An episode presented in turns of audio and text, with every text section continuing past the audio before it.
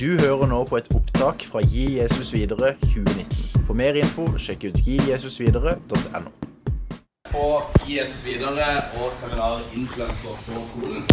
Jeg heter David, som allerede har hørt. Jeg er gift med ei kone, har spist på 151 forskjellige i Norge og eh, trives med å jobbe med unge folk. Og til daglig så jobber jeg som dagleder i Ny Nasjon, og så er jeg eh, gudstjenestepastor i Hilsong Oslo på en av gudstjenestene våre der. Så det er liksom eh, litt om meg. Er gift med ei kone, har null barn og null kjæledyr. Så er liksom det settla opp før vi er i gang.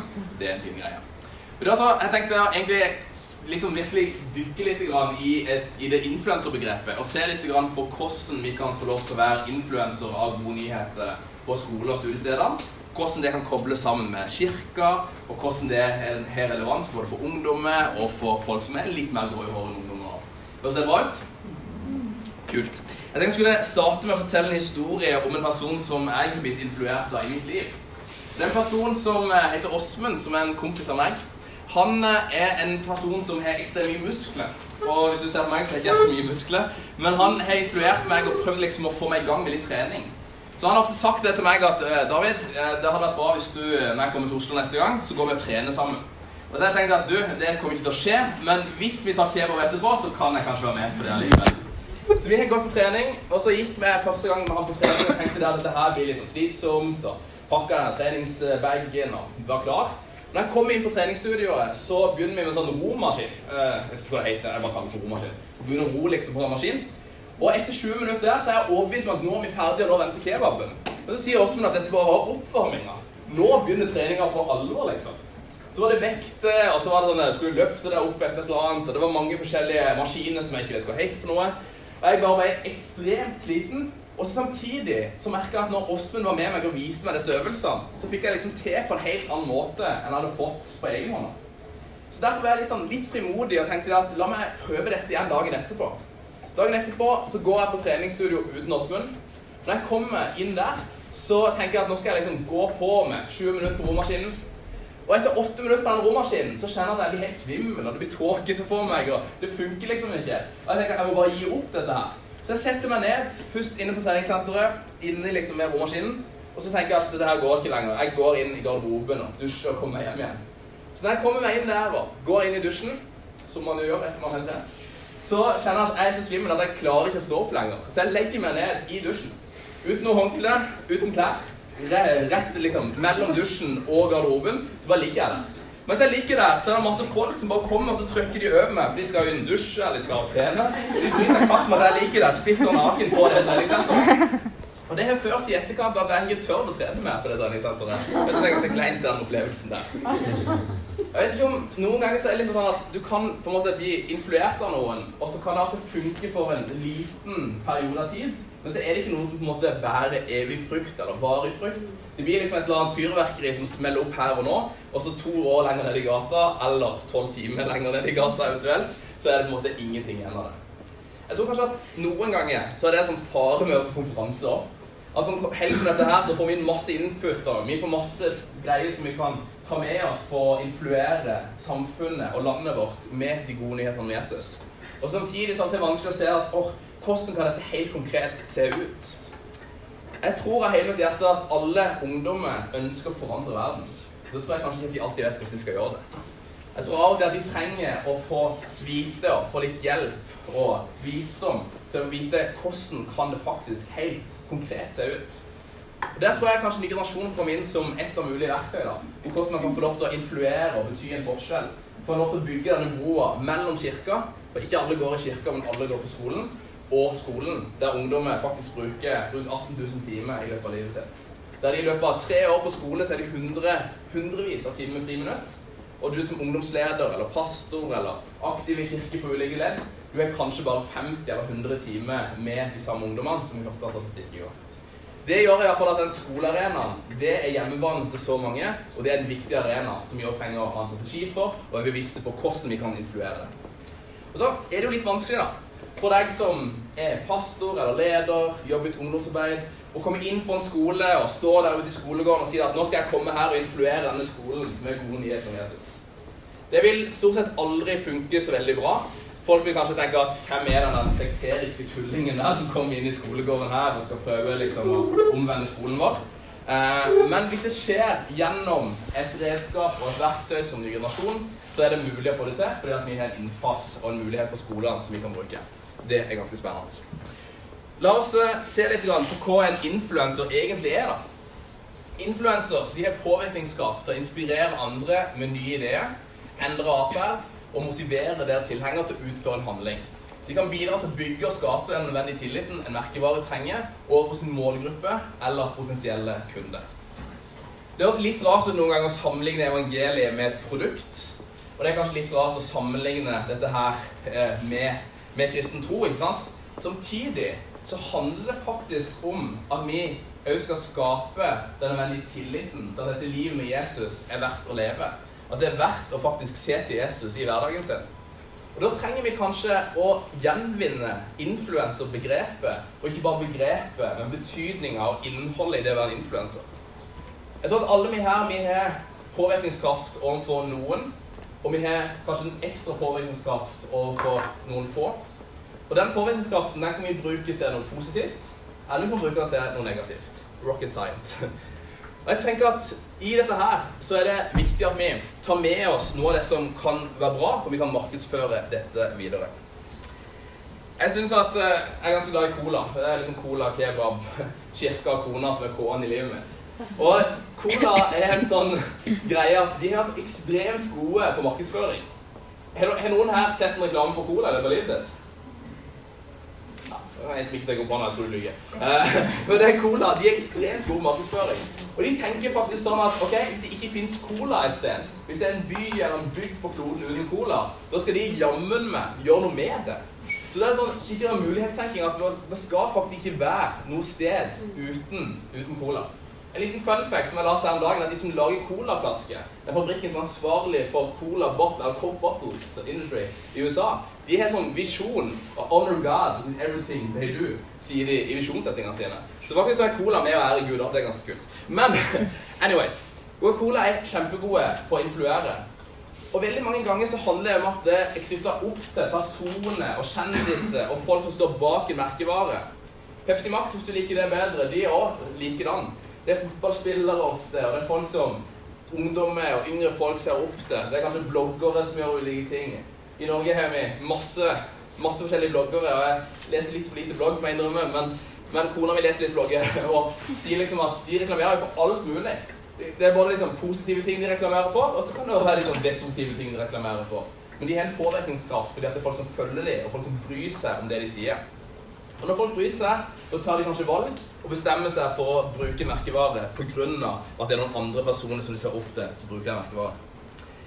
Det som er interessant, det er jo at eh, tidligere så var, var, det sånn da jeg vokste opp for, ikke så fryktelig mange år siden, 10-15 år siden, så heia vi på et fotballag. Nå heier ungdommer Noen heier på fotballag, men folk er enda mer opptatt av enkeltpersonene på fotballaget. Så da er det på en måte Jeg kan komme og snakke med en ungdom nå, og så er det sånn Ja, hvem, hvem heier du på? Og så er det sånn Ja, jeg heier på Messi og Ronaldo. Og så går liksom ikke det opp. De spiller jo to forskjellige lag, og de spiller mot hverandre. og Det er liksom ikke Det er ganske ulogisk på mange måter. Men for mange ungdommer så er det nå enkeltpersoner, enkeltindivider, som betyr noe. Det er faktisk sånn Hvis du spør om noe, ja, hvem er dine politiske forbilder, så er det mange som svarer Sofie Elise er mitt politiske forbilde. Og hun er ikke ordfører, hun er ikke statsminister, hun er ikke statsråd. Men hun har en blogg med flere hundre tusen lesere, og unge mennesker som ser opp til henne og følger etter henne og de tingene som hun presenterer. Jeg tenker at Det er en ganske interessant utvikling og noe som vi trenger å være bevisst på som kristne òg når vi skal influere vår verden. Jeg tror noen ganger at dette med å være influere av gode nyheter kan være en sånn ting at til og med gode nyheter kan av og til bli dårlige nyheter. Noen ganger så har vi kanskje som, som kristne òg markedsført og profilert Jesus på en måte som egentlig har gjort at de gode nyhetene som i utgangspunktet er, har falt litt i dårlig jord og vært dårlige nyheter for folk. Og Det er ganske liksom, alvorlig å snakke om. Men jeg, men jeg, tror virkelig at det er mulig å kunne gi de gode nyhetene på en god måte òg. Men det går òg an å gi gode nyheter på en dårlig måte. Her trenger vi liksom som, som kirke, som hjem, som ungdom i alle de ulike rollene, hattene og funksjonene som vi har. Så trenger vi være bevisst på hvordan vi kan få lov til å presentere Jesus på en måte som gjør at folk ønsker å ikke bare følge etter han for en liten periode i livet, bli etterfølgende og disiple han, noe som varer livet ut. Da trenger skolen, da trenger kirka, da trenger hjemmet å jobbe sammen for det. Kan jeg gi deg et eksempel på en historisk uh, influenser, så skal vi gå litt mer praktisk til verks etter hvert. Men Plinius Secundus det er kanskje noen av dere som, som har lest gammel romersk historie og kjenner til han. Men han var en romersk guvernør og filosof som fikk veldig stor betydning i de første århundrene. Denne fyren her er faktisk et av de beste kildene i etterkant på mye av det som Bibelen beskriver i Nytestamentet en ekstern kilde som bekrefter at Jesus levde, at han fantes, at han gjorde de tingene han gjorde, og at de første etterfølgerne og de første kristne fulgte etter han og gjorde gode ting. Det som er ganske interessant med han, at mange vil tenke at han var en ganske dårlig influenser på noen måter. For Plinius Secundus han hadde fått i oppgave å henrette kristne. Det er ikke så veldig kult. Grunnen til å ha fått den oppgaven var fordi at eh, romerstaten så at dette her de som fulgte etter Jesus, det var en trussel mot staten Roma. Mot Romerriket, som skulle utbre seg og fortsette å ha verdensherredømme. Det kunne være en trussel mot det, sånn politisk sett. Og Derfor så hadde han fått beskjed om å gå rundt og halshogge kristne. Pine Sekundos han gjorde faktisk det. Han gjennomførte mye av det oppdraget han hadde fått. Men samtidig så skriver han i en bok som han skrev, eller et slags brev, som heter Epistles X96 at kristne var mennesker som elska sannheten uansett hva det kosta for dem. Han, han, ble sett på, han så på de kristne så ble han imponert over at de tørde å stå opp for det de trodde på, selv om det faktisk kosta de livet. Og selv om han var med på å koste de livet. Det er en ganske absurd og litt sånn interessant greie. da. Men jeg tenker at dette her, det gjorde noe med han. Det gjorde noe med influerte livet hans.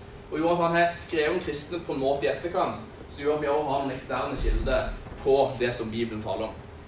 Jeg tenker at På en måte så han en influenser som har betydd noe positivt òg for framtida og for der vi er i dag. Og ikke alt det han har gjort, har vært positivt, men noe hørt. Og sånn er det kanskje med mange influensere. Jeg skal ikke dra liksom en sammenligning med Plinus Secundus og Sofie Elise eller med Cristiano Ronaldo. Men det er mange som kanskje kan komme Det kan være noe positivt med det de influerer, og så har de òg liksom en totalpakning som gjør at ikke alt bare er positivt. Før så bestemte man seg kanskje for hvem man heia på, hvem man så opp til, bare ut ifra hvem de var, hva de sa. Men nå bryr veldig mange mennesker, og veldig mange unge mennesker òg, bryr seg om de, hvilke merkevarer som de representerer.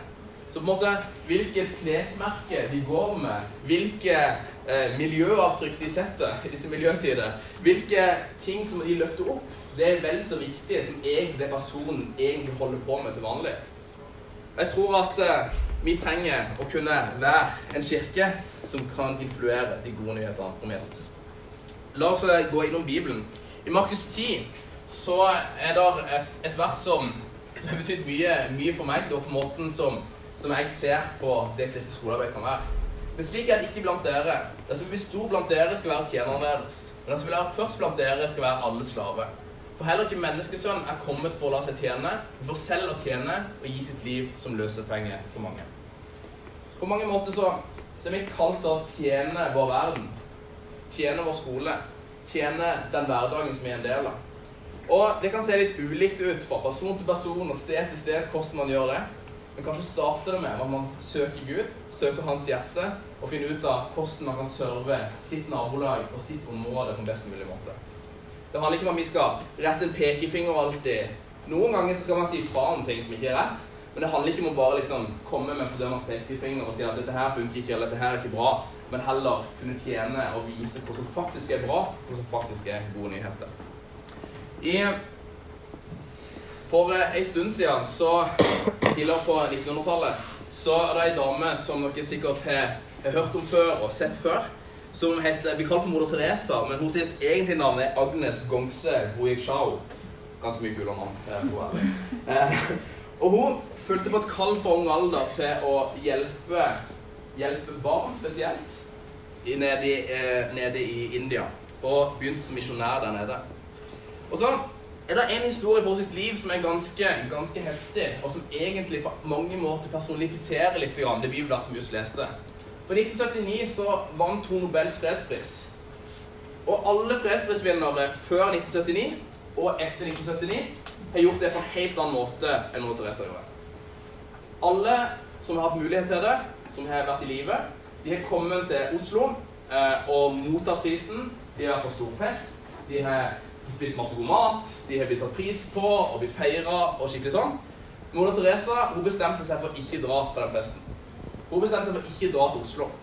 Hun sa til Nobelkomiteen at du, kan vi gjøre en avtale som gjør at uh, de pengene som dere egentlig hadde brukt på meg, på sikkerhet, på alle ting som følger med Og da vet jeg at det er enda dyrere i 2019 å gjøre dette her enn i 1979. Men samtidig så var det ganske mye penger. Det var flere hundre tusen kroner som ble brukt på, på en sånn markering på den tida. Kan dere bruke de pengene på heller gi de til meg, sånn at jeg kan bruke de til fattige barn i India, sånn at de kan få forandra liv? Og Det er eneste gangen Nobelkomiteen har sagt ja til å gjøre det på den måten der. De sa at det er greit. Du skal få beholde de pengene. Du får utbetalt de pengene som vi egentlig skulle bruke på deg, og så bruker du det til ditt formål. Jeg tenker at Det viser et eller annet om et hjerte. Det viser noe om en spirit av å kunne tjene andre mennesker. Det har ikke vært noe galt i, i for seg, om man hadde sagt ja til å komme. Kanskje det har vært noen gode muligheter for det og for å få utbredt arbeidet sitt mer. Samtidig så sier det et eller annet om hjertet sitt. Tenker Det er en ganske sterk historie om hvordan man kommer med og tjener andre mennesker. Skal vi spole litt tilbake og se på noen, noen andre influensere fra Bibelen? Jeg tenker at eh, det å være en influenser, det handler ikke om å være best. Det handler ikke om å være dyktig. Men det handler kanskje om å være villig. Der var Moses. Moses hadde en del issues som alle andre mennesker på planeten gjorde å ha. Han eh, var ikke så god til å tale, han var litt usikker på seg sjøl. Han følte seg ikke kvalifisert nok til det oppdraget han fikk av Gud å føre Israels folk ut av Egypt. Og iblant så føler vi ikke mye oss kvalifisert nok heller til det vi gjør. Vi føler at eh, matteleksene de tar liksom kvelertak på oss. Vi føler at vi strekker ikke til i familien vår, vi strekker ikke til på jobb vi når ikke opp til alle disse standardene som samfunnet rundt setter til oss, og som vi kanskje de kravene som vi setter til oss sjøl. Så sier Moses til Gud i 2. Mosebok 3.: Hvem er vel jeg? Kan jeg gå til farao og føre israelittene ut av Egypt? Ja, svarte han, for jeg vil være med deg. Første øyekast et litt sånn banalt svar. Og litt sånn Jesus, er dette virkelig så enkelt? Og samtidig så tror jeg det er noen gode sannheter i det òg. At faktisk så kan vi være med på noe. Og Moses kunne gjøre dette her. Ikke i sin egen kraft, ikke pga. den han var i seg sjøl, men pga. at Gud sa at han ville være med ham i det. Når Gud er med oss i det oppdraget som vi gjør, så er det faktisk helt annen kraft over det. Gud har gitt oss en misjonsbefaling. Gå ut i all verden og gjør folk til disipler. Og når han har sagt det, så har han lovt oss at han skal være med oss alle dager til verdens ende. Jeg tenker at Det er et løfte som betyr at vi kan stole på at han er med oss i det vi utbrer Guds rike, og vi influerer vår hverdag. I 5. Mosebok så er det Moses som, som har en peptalk med Josva og på en måte har gitt dette oppdraget videre. Og Her det skjedd et eller annet med hjertet til Moses og disse årene. Det skjedde et eller annet med attituden hans. fordi at nå har han gått ifra å høre disse ordene fra, fra Gud, og etter hvert liksom gjort noe med det, og litt sånne, eh, litt fram og tilbake og sånne ting så gir han denne peptalken til Joshua. Og legg merke til ordlyden her. Det er ganske mye det samme som Gud pepper han med noen år lenger før i gata. Herren selv skal gå foran deg. Han skal være med deg. Han svikter deg ikke og forlater deg ikke. Vær ikke redd, og mist ikke motet. Det tror jeg kanskje et ord til noen her inne i dag òg. Han er med deg. Vær ikke redd, mist ikke motet. Kanskje har du gjort noe før i livet ditt med å prøve å influere skolen din, vennene dine, hverdagen din. Så føler du ikke det lykkes helt. Gud vil gi deg en second chance. Det er en ny mulighet til at han kan influere deg. Du kan hvile på han, gå i hans nåde, og han gjør det. Så kan du hvile i det.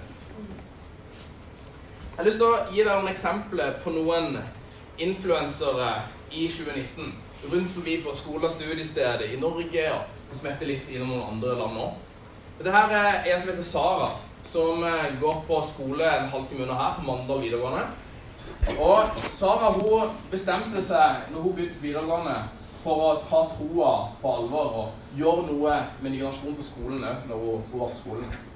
Og Det hadde lenge vært ny generasjonsgruppe på Mandal VGS som hadde gjort masse bra og hadde fått et ganske godt rykte på skolen. Og det året hun begynte, så var det liksom, det lå litt nede, og det var ikke så mange kristne på skolen akkurat da. Så hun bestemte seg for igjen liksom, ta et nytt initiativ og, og få det på plass igjen. Og det som, det som de gjør, er egentlig ganske, sånn, ganske enkelt. Det er ikke så veldig komplisert. da. Det er ikke alltid den der kjempe liksom, lange planen med ting. Men samtidig så gjør de noen enkle grep som influerer de sine venner. Det de har gjort, er at de f.eks. en gang i året så har de en godhetsuke som Springer og laget eh, arrangerer sammen i Norge. Så de er med på den, og så gjør de godhet sammen på skolen.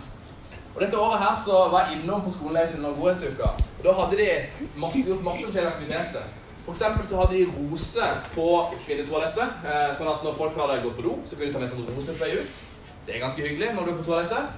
De hadde bakt kake til lærerne og satt pris på de lærerne de hadde. De hadde tatt med noen spill og spilte sammen med en klasse med folk som hadde litt ekstra behov, eh, som gikk i en egen klasse på skolen, og brukte tid sammen med dem. De delte pizza på skolen, og de hadde liksom en sånn godhetsmøte der de snakka om hvorfor de gjorde godhet, og hvordan Gud var god. Eh, og de gjorde bare mange ulike små og store greier for å prøve å vise Guds godhet i praksis. Jeg tenker at det er med å influere en skolehverdag. I tillegg til det så har de hver eneste torsdag i snart ti år på den skolen kontinuerlig hatt et møte i Langfri der de har invitert folk som ennå ikke tror på Jesus, inn på det møtet. Og Der har det vært alt fra liksom, fem personer til 50 personer på de samlingene. Og rundt halvparten av de som er på de samlingene hver uke, de har ikke en tro på Jesus.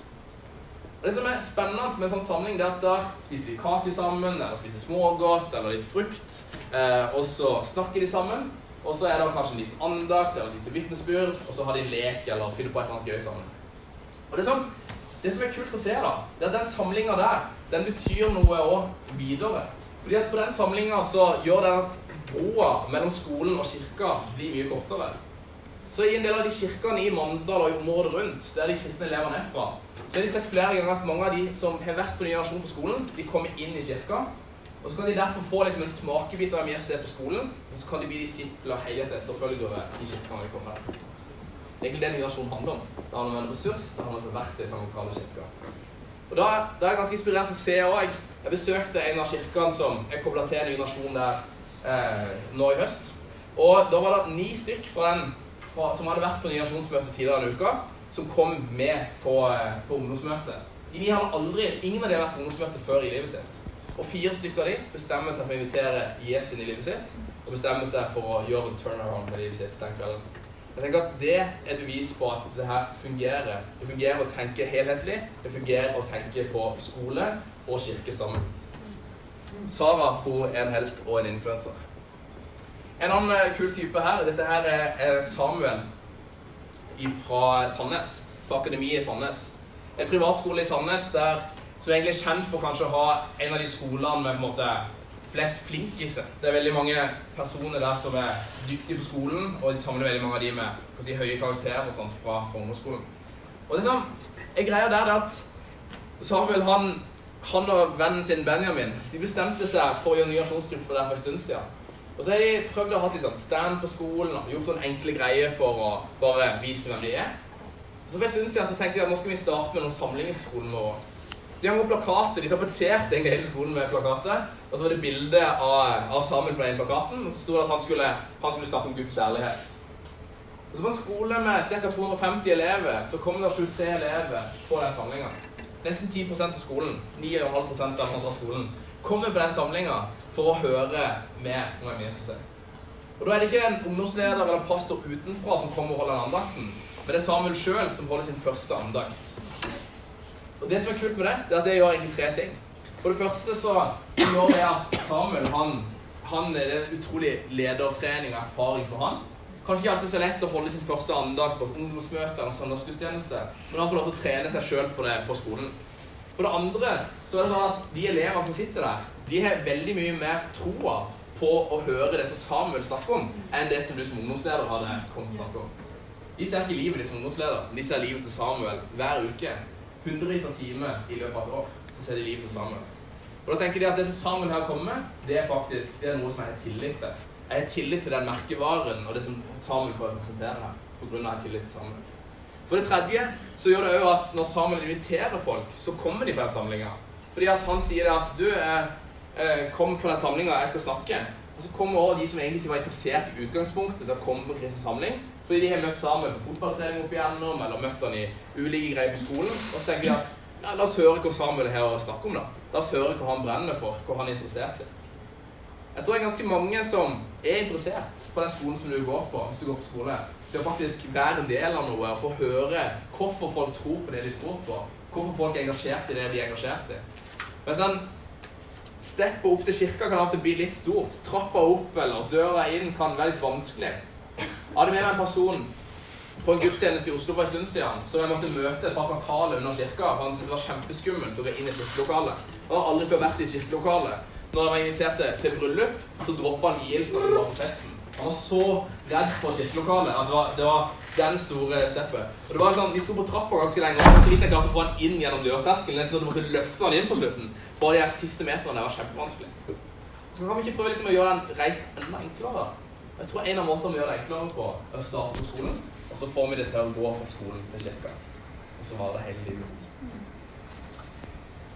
En annen influenser heter Ingvild. Og jeg har lyst til å ta med historien om Ingvild òg, fordi at Ingvild hun, eh, hun, har, hun har en ganske sånn kul historie der hun har bodd i Nord-Norge og vært eneste kristen på skolen sin. Hun, hun var tydelig med troa si. De reiste på klassetur til London. Da fikk hun med hele klassen sin på gudstjeneste i London. Det er ganske, ganske heftig. Og Det som skjedde der, det var at uh, veldig mange av de ble jo interessert og ville høre mer liksom, om det som hun hadde å by på. Og så når hun flytta etter hvert til Vestlandet, så starta vi en ny generasjon der òg, på en skole der. Og for noen år siden så gjorde vi et studie på Ingvild. Uh, et slags liksom, kvalitativt studie der vi gikk inn på skolen til Ingvild, og så snakka vi med, med rundt mellom 30 og 40 elever på skolen, og så snakker vi med alle lærerne og med rektoren på skolen. For å høre hvordan ikke bare Ingvild, for så vidt, men hvordan Ingvild hadde influert skolen, og hvordan nye nasjonsgrupper der hadde betydd noe for skolen. Det som var interessant å høre, det var at eh, nesten alle hadde lagt merke til at det hadde skjedd noe på skolen. Og veldig mange pekte på at det hadde blitt en bedre atmosfære og et bedre miljø på skolen. Og De pekte ikke bare på det, men de sa at det var en av årsakene. De hadde vært kreative og liksom funnet på en del ting. Og noen av de kreative greiene som de hadde gjort på skolen De har sånn påskeeggjakt med egghunting, f.eks. Der det var bibel og smågodt. Det var noen greier som skolen sjøl eh, tok videre året etterpå. De tok vekk Bibelen, da. Men, men ellers så gjorde de det samme sjøl på skolen, for de syntes det var en kul idé og skapte et godt miljø. Jeg tenker liksom at Noe av de greiene der er ganske stilig. Og Så begynner Ingvild på Universitetet i Stavanger eh, etter det og studerer til å bli liksom petroleumsingeniør. Og når hun studerer det, så ser livet litt annerledes ut. Og studiehverdagen er litt annerledes enn på videregående. Det er så kult å komme på campus på et studiested og liksom gjøre en hangman eller en lek. Det er liksom ikke helt det som appellerer. Men gjennom bønnemøter, gjennom godhetsaksjoner, så er de allikevel klart å vise noen glimt av Guds godhet på Universitetet i Stavanger. Så tenker jeg jo at det er så mange mennesker i dette landet, som vi snakka om i går på møtet, som mister enten troa på kirka eller troa på Gud, eller begge deler, i den overgangen til studentvirksomheten når man begynner som student, eller i løpet av studentårene. Men så er det et så stort potensial. Det finnes hundretusenvis av studenter i Norge, og over én million elever studenter. Så er det en mulighet likevel å kunne presentere de gode nyhetene på en god måte, sånn at mennesker har lyst til å følge etter Jesus. Dette der, vet jeg leser litt sånn Kanskje litt håndmodig sagt. Uh, beklager det, men uh, Jeg beklager egentlig ikke det. Men men man sier ofte liksom at, kanskje at Jesus er verdens lys, kirka er verdens håp, og så er ny nasjon kirkas håp igjen. Og jeg sier det fordi at jeg tror virkelig at man trenger noen redskap i hånda. Man trenger et eller annet som man griper tak i. Det er liksom sånn, Hvis du har en hammer i hånda, så betyr det en fint lite hvis du ikke vet hvor du skal bruke hammeren til. Det vet ikke jeg. Jeg har ti tommeltotter, så det, det er en veldig, veldig dårlig greie for min del.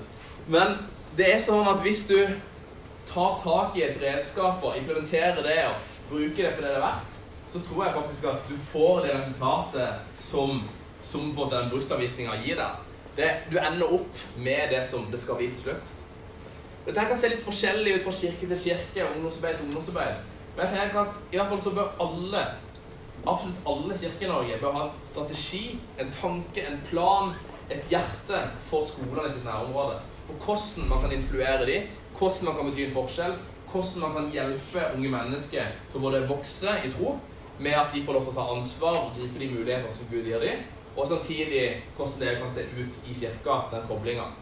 Hvis man lager den broa der på en god måte, så er det ingen begrensninger for hvordan det kan se ut med ungdomsarbeid og studentarbeid i kirka.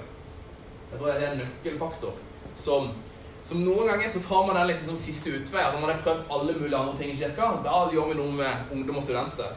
Men vi bør heller starte med det. Det bør heller være liksom utgangspunktet vårt. Ikke tenk det at ja, nå prøver vi ti andre prosjekter i år, og så tar vi dette med skolearbeid hvis ikke det funker. Men start heller med, med, med og med dette her når du faktisk har de ressursene på plass, og det faktisk er en mulighet til at det kan bære frukter allerede for dag én. Det fins gode redskaper, det fins gode ideer, det fins alt som trengs. Det er liksom bare å ta tak i redskapet. Ta det i hånda. Jeg har lyst til å dele en historie fra Sverige ja, som, som, er en litt annerledes historie, men som egentlig i bunn og grunn handler om til og med at du kan influere noe uten å være synlig bak det. For noen år siden på en skole i Sverige så var det valentinsdagen, som det jo er iblant i Norge òg. Er det noen som er glad for valentinsdagen? Alle jenter var liksom veldig med på den.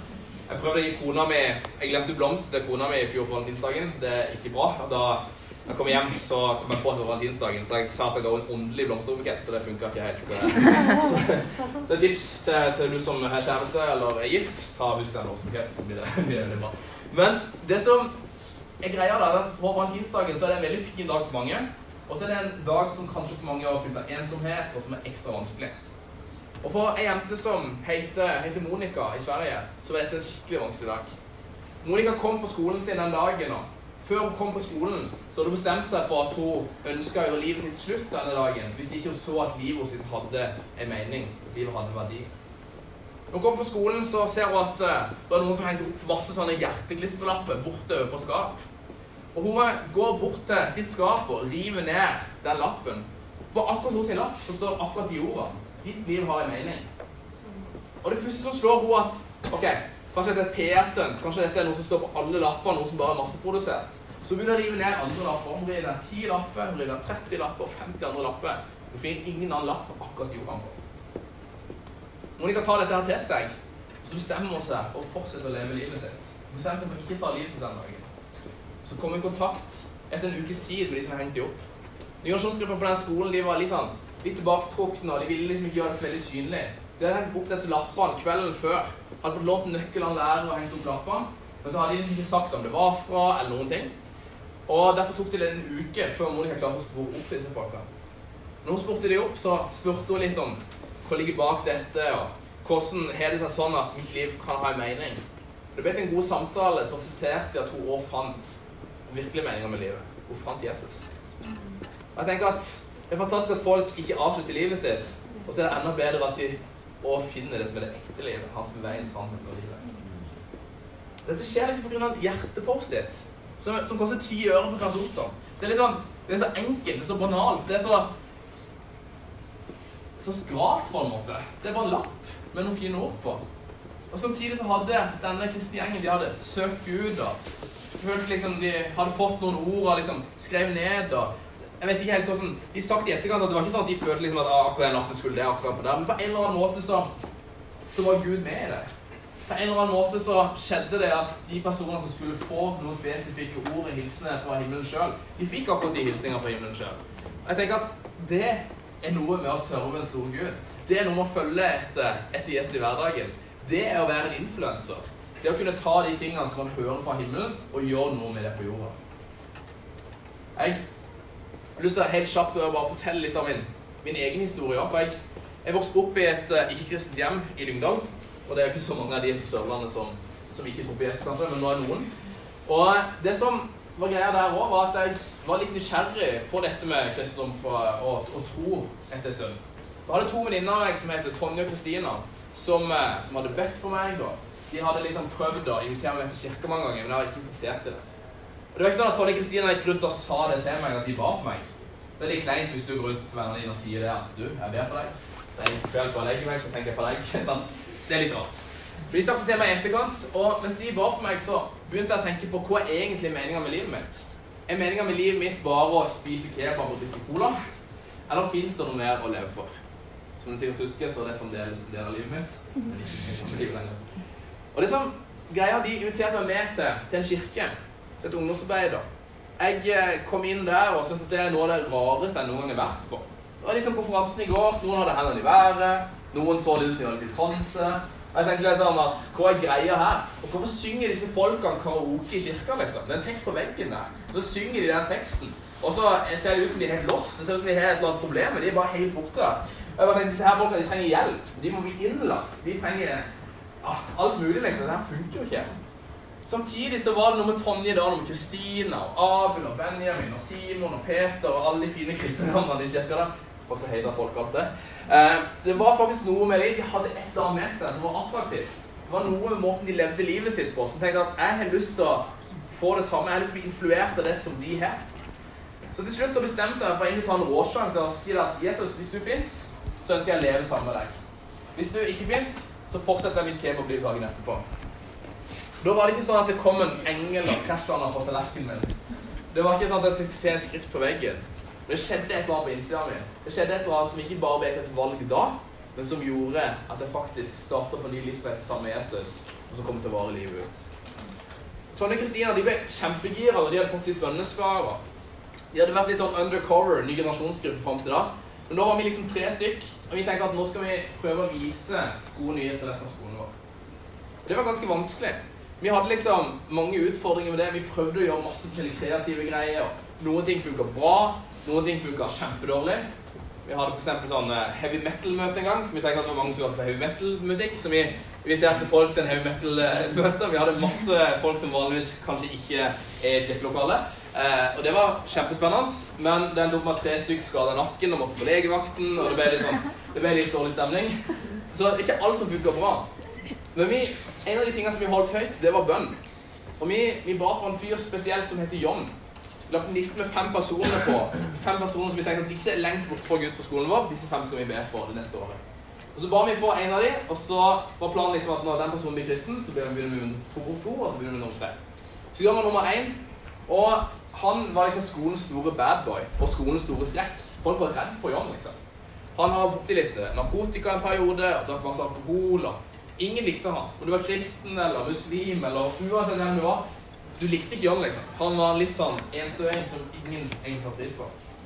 Og så var han veldig sånn, litt mobbete og ertete og gjorde det vanskelig for oss å være kristne på skolen. Så vi reklamerte med noe og hang opp plakat, så rev han ned den plakaten. Så vi alltid blinde mange. Når vi hadde samling, så åpna han opp klasserommet, og så begynte han å hyle inn i det klasserommet.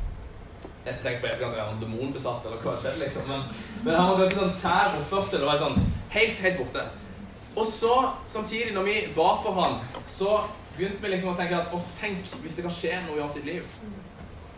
I starten når vi ba for han, for ærlig, så var det sånn at vi syntes det var skikkelig vanskelig å be for han. Og det er det vanskelig å be for folk som ikke er gode tilbake mot deg. Og vi syntes det var skikkelig utfordrende. Men så ba vi for han, vi ba for han av og til ennå, vi pussa tennene på kvelden, en såkalt hashtag tannbørstebønn. Og så ba vi for han i kirkene våre på forskjellige settinger. Og så begynte han å komme innom av samlingene. Fremdeles så var han John, liksom. Han var irriterende, han spiste kake, han spiste opp hele kaka. Og han, han var litt sånn brautete. Ja. Og det var mange folk som ikke kom på samlinga fordi John kom der. Så det var litt sånn ambivalent. liksom. Skal John være der, eller skal han ikke være der? Så vi tenkte på et tidspunkt da at skal vi liksom be vår, Vi hadde en kristen rektor. Be han låse John inne i klasserommet liksom, i langfri, så vi får fred, eller hvordan skal vi gjøre dette? Vi fortsatte å be for John. Og på et bønnemøte et halvt år senere, en halvtime unna der John bodde, og en halvtime unna der vi gikk på skole, så er vi samla ifra seks forskjellige kirker. Da er noen der fra misjonskirke, fra en frikirke, fra en pinsemenighet, fra Norsk kirke. Så står vi i en sirkel, seks stykker fra skolen vår som er kristne, så står vi og ber om at John skal bli en kristen. Mens vi står i den sirkelen og ber, så kommer noen og pirker meg på skuldra. Klokka er halv ti en mandagskveld, og så står John der i et kirkelokale en halvtime unna der han bor, og en halvtime unna der han går på skole. Og vi bare tenkte at hva skjer nå, liksom? Er, dette sant, det som skjer nå? Og det var litt sånn Du vet den der følelsen når du, når du tror du drømmer det, så du, liksom, du må liksom begynne å ta på personen. liksom sånn, er, er, dette her, er det en ekte person her? Og så var det jo John som var der. Og vi tenkte at vi kan ikke fortsette å be for John om at han skal bli en kristen, og han står rett ved siden av oss. Det er jo såkalt hashtag sosialt selvmord. Det er kjempesært å gjøre det. Så istedenfor så ble det en litt sånn annerledes bønn. Takk, Jesus, for at du elsker alle mennesker. Du elsker meg, du elsker mor mi, du elsker John. Det som skjer en times tid senere, at John bestemmer seg for å invitere Jesus i livet sitt. Han bestemmer seg for å bli en kristen. Og det som, det som jeg og Tonje og Kristina gjorde på skolen vår, det influerte noen. Men når John bestemte seg for å bli en kristen, det influerte hele skolen vår. Det skjedde, skjedde ting i et annet tempo på en helt annen måte enn det hadde gjort før. En måned seinere så står han på, i et klasserom, ca. på en scene som dette her, og står der og forteller sin historie om hvordan han ble kjent med Jesus. Han hadde ikke teknologien på plass. Det var, det var helt usminka, det var helt herlig. Og jeg skal beskrive opplevelsen av å bli kjent med Jesus som opplevelsen av tusen rundt i husen som synger inni han.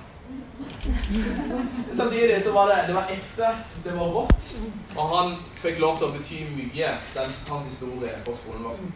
Nummer to på lista vår heter Ruben. Han ble kristen et par måneder senere. Og nummer tre på lista vår heter Bjørn. Han ble kristen to år etter vi var ferdig videregående. Men så ble nummer fire på lista uh, Hun ble kristen uh, mellom der, som i Gud ender litt rekkefølge. Men så, sånn, sånn er det. Men det er veldig bra at folk får lov til å koble med han, og så gjør de koble med sin lokale kirke. Jeg så troa på det. Det er liksom Bønn er et av redskapene som vi bruker i generasjonen. Jeg tenker I et travelt ungdomsliv kan du ikke i hvert fall bestemme deg for at når du pusser tennene, så er det faktisk ikke så lett å være aktiv på Snapchat. Sånn pusse tennene, Snapchat, det ser, det ser ikke så bra ut. Eh, så da kan du heller bruke de 90 sekundene, eller to minutter hvis du har skitne tenner, til å be for skolen din. Tenk deg å gå to ganger to minutter hver dag i neste skoleår kan bety. Det kan bety så uendelig mye mer enn det du faktisk drømmer om å forstå. At Gud, han gjør ting, og bønn er et veldig nyttig verktøy. Går det bra? Ja. Klarer du litt til? Veldig bra. Vi har litt, litt tid igjen. Et kvarter igjen. Um, Stina fra Sverige hun har drevet en nyasjonsgruppe helt alene på skolen sin. Hun har ikke kjent andre kristne på skolen, men har likevel samarbeid med sitt lokale ungdomsarbeid bestemt seg for at hun vil ha troa si aktiv på skolen. Og Det er vanskelig når du er alene, så kan du måte ikke ha en konsert på skolen eller kanskje ha en stor samling. Men hun bestemte seg for bare å ta troa på alvor i hverdagen. Så når hun har sett personer som har sittet alene i kantina eller i friminutt, så gått bort og snakka med den personen. Hun har hengt liksom med vannmaskinen og brusautomaten på skolen og prøvd å bety noe for de som er litt sånn utstøtt, og de som ikke kanskje finner helt sin plass på skolen nå. Dette her så har jeg bare tenkt at hva er dette her egentlig betydd? Men så blir hun kalt inn til rettens kontor en dag. Hvis du blir kalt inn til rettens kontor før, så vet du at det er en ganske sånn, kan en litt sånn ubehagelig opplevelse fikk bare beskjed på slutten av skoletimen at sånn høyt foran klassen så sa læreren du, Stina, eh, rektor venter på deg på kontoret ditt, så gå inn til han nå. Utrolig kjipt å gjøre på. Og det som skjer, er at hun er skikkelig nervøs. Liksom, Hjertet banker dødsfort. Og så går hun inn på rektors kontor, og rektor sier du, lukk døra bak deg. Hun blir enda mer redd. Og så setter hun seg ned der, og så sier rektor at du, Stina, vi har sett at det du har betydd for skolen, det har endra på atmosfæren på skolen vår de initiativene som du har tatt. Så skolen vår har lyst til å gi deg 10 000 kroner som du kan bruke et stipend som du kan bruke på akkurat det du vil. Som en takk for at du gjør skolen til et bedre sted. Og Stina hun blir helt sånn rørt og helt sånn Ja, men jeg har bare vært et menneske. Jeg har bare snakka med folk. Jeg har bare gitt en oppmuntring. Jeg har gitt en klem. Jeg har gitt en bibel til en person. Det er liksom det jeg har gjort. Og rektoren bare Ja, men det har virkelig betydd noe. Det har satt spor på skolen vår. Og så får hun etter hvert en sjekk på 10 000 kroner 10 000 svenske kroner, så er det bare 9000 cirka norske, eller et eller annet. I hvert fall, det er litt penger likevel. Og så istedenfor å bruke de på kebab, så bruker de på å gjøre et par arrangementer på skolen sin for å velsigne skolen tilbake. Jeg tenker at Det er jo en fantastisk story om hvordan man til og med alene på skolen kan få lov til å bety noe. Det er ikke, det er ikke de personene som, som står på en eller annen scene eller en megapastor i USA. Det er ikke det som er de ordentlige heltene. De ordentlige heltene det er faktisk de menneskene som tør å ta med seg troa i hverdagen. Selv om det koster noe, selv om man må ofre noe, selv om det kan være litt vanskelig, selv om det kan være litt tøft. Og sånne helter vet du at det er flere her inne i dette rommet som er. så tror jeg det vil bli enda flere av de heltene etter denne konferansen. Mennesker som tør å ta med seg Jesus i hverdagen.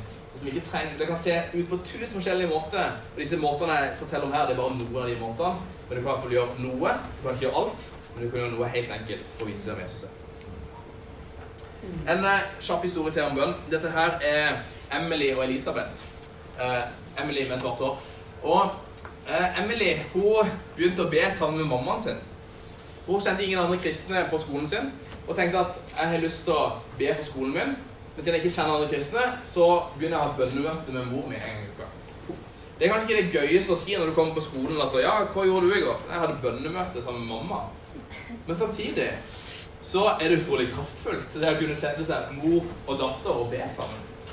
Emily hun, eh, hun hadde så hjerte og ønske for at det skulle skje noe på skolen sin. Hartvignisten i, i Oslo, også kjent for som Skamskolen. Skam.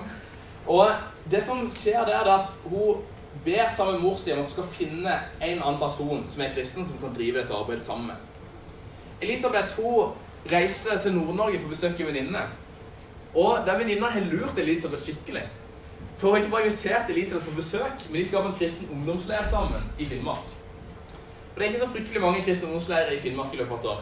Men dette her visste ikke Elisabeth ingenting om.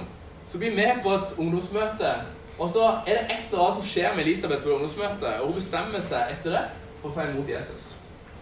Dagen etterpå så, så er vi der og snakker om ny generasjon og oppmuntrer ungdom der til å bety en forskjell på skolene sine.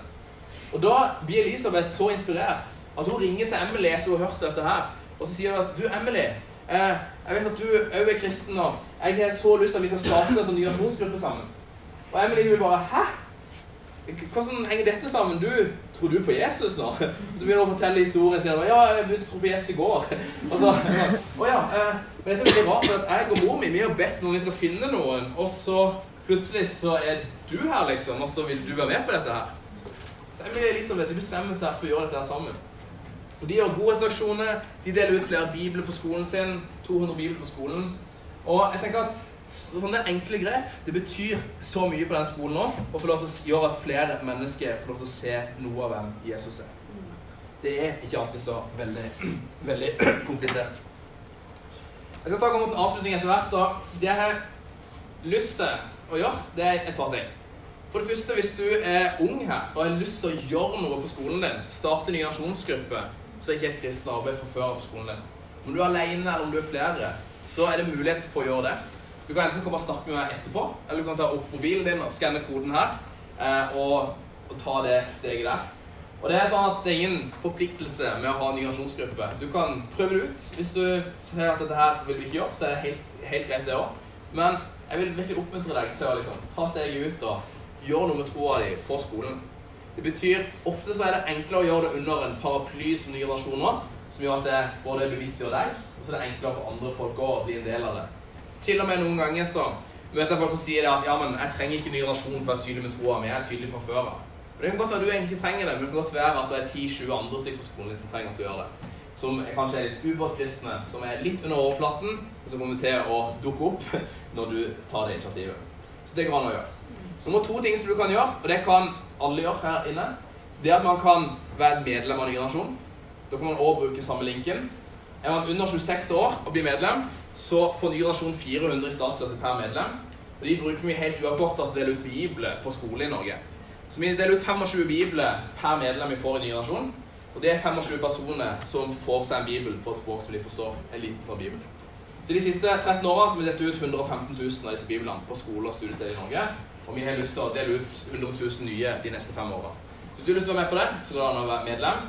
Koster 100 kroner for ett år. Så kan du sjøl velge eh, Nå har du faktisk betalt for både både 2019 og 2020. Så kan du sjøl velge i januar 2021 om du vil betale på nytt eller ikke. Så får du òg med en tannbørst og en bibel. De to tingene du trenger i livet hvis du blir medlem. Så det er veldig good.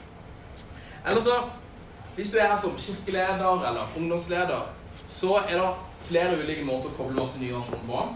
For, for, det første så går det an å invitere ny generasjon på besøk. Vi, vi, har en turné som vi begynner på nyåret nå, som vi har kalt for Influenser på skolen. Så det er en liten free sneak på det. Eh, som kommer til å inneholde noe av det samme som dette her, men også litt videoer og en del interaktivt innhold og god bibelundervisning. Som skal både svare på hvorfor man kan influere skolen, og hvordan man kan influere skolen. Så det er en mulighet. Og så går det òg an som kirke å koble med oss på ulike måter. Nygenerasjon.no så har vi en side der som heter NG pluss Kirken. Og Der kan du se på hvordan man kan være partnerkirke av ny generasjon, og hvordan vi kan jobbe sammen om å sørge for at unge mennesker får tak i Jesus. Er det good? Eller, ja. Kan jeg få lov til å be en bønn? Går det greit? Til vi er på kristen konferanse? Så jeg har lyst til å be for de skolene som er representert i dette. Tusen takk Herre, for denne nydelige dagen som vi har foran oss, og det som vi allerede har tatt imot i dag. Jeg ber her om at disse tankene som vi har fått, er ikke bare noe som skal gå inn det ene og ut det andre. Men jeg ber om at det skal virkelig rotfeste seg i hjertene våre, og det skal virkelig føre til forandring i vår liv, Jesus.